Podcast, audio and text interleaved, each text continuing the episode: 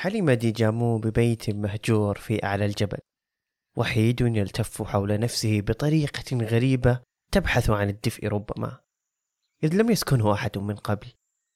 كانت الأخشاب المصنوعة منه تميل جهة الجنوب دون أي مبرر. كان تساؤل ديجامو الوحيد هو كيف لهذا البيت أن يصمد وحيدا؟ لا آثار بشرية أو غير بشرية تحوم حوله. ولم يسمع منذ وطأت قدميه محيط هذا البيت أي عصافير أو رياح ولا حتى الأشجار تجرأت أن تنثر بعضا من أوراقها على سقيفته. ولكنه كان يحتاج أن يتأكد بنفسه من غرابة ذاك المكان. بدا له أن الغابة النرويجية تلك تحترم ذلك المنزل أكثر مما ينبغي له أن يكون. نظر للخلف لمرة واحدة ليتأكد من وضوح خطواته في الأرض الطينية ليتمكن من العودة في نهار اليوم التالي عندما تنشف التربة.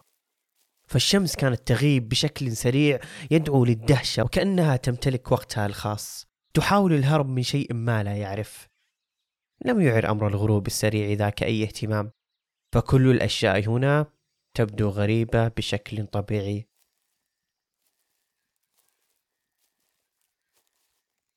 ما إن التفت رقبته لتعود لمكانها المعتاد مرة أخرى وقبل أن يمد قدمه اليمنى ليبارك بها عتبة المنزل سمع فجأة صوتا غريبا وكأن المنزل يشتكي من صوت معدته الفارغة. لم يكن الصوت واضحا في الحقيقة لكن في ظل ذلك الهدوء المدوي يكتسب الصمت عظمته الغريبة. فتح الباب بيده اليسرى كان خشبيا. ذاك النوع من الأخشاب الذي ستعرف من الوهلة الأولى أنه في المكان الخطأ. كان متأكدا أنه وضع حديثا إذ لا يتناسب أبدا مع طبيعة المكان. كان منزلا لا يتكون إلا من صالة كبيرة في منتصفها أريكة صفراء ودع على جوارها أبجورة إضاءتها ساطعة جدا. وقف مستغربا ومتسائلا من أين تأخذ تلك الأباجورة طاقة تشغيلها الكبيرة تلك؟ إذ لا يوجد أي دليل واضح عن أي تمديد كهربائي في المنزل لم يتعب أبدا في البحث عن أي تفاصيل إضافية لا تفاصيل في الأرجاء سوى نافذة واحدة في أحد زوايا الصالة خلف الأريكة ودرج طويل متعرج في الزاوية الأخرى المقابلة له من صمم هذا المنزل؟ كيف له أن يضع النافذة في الزاوية ودرج متعرج في بيت ذو دور واحد أرضي؟ لما البيت دون سقف؟ إلى أين يذهب جميع من يصعد إلى هناك؟ تساءل ديجامو اقترب ديجامو من الأريكة الصفراء. لامسها بأصابع يديه كأنما يبحث عن روح بداخلها. إنه دقيق في لمس الأشياء. فحتى الجمادات تشعر بقيمتها العظمى. عندما تقف بجانبه. ستشعر عند ملامستك لكفه لأول مرة أنها تمتلك خطوطا قد تصلك بعوالم أخرى.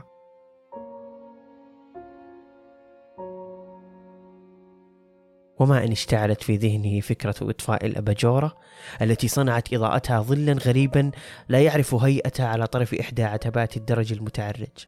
سقطت الأباجورة بطريقة غريبة وببطء شديد. غير مستعجلة أو مبالية أن ترى نفسها تنكسر. في مرحلة سقوطها البطيء لم يتمكن ديجامو أن يرمش ولو لمرة واحدة. لم يرى شيئا كذلك من قبل. بعد أن لامست الأباجورة أرض المنزل أحدثت بعد ارتطامها صرخة ضوئية قوية قبل أن يغرق المنزل بعدها في ظلام دامس. ومن هول الدهشة اقترف ديجامو خطأه الكبير. لقد نسي أن يغمض عيناه في الظلام. لقد تسلل السواد داخل روحه دون أن يشعر. اختفت حدقته تلاشت رؤيته. أصبح وعيه يطفو حول الخط الفاصل ما بين الحقيقة والخيال. شعر بسريان السواد عبر شرايينه.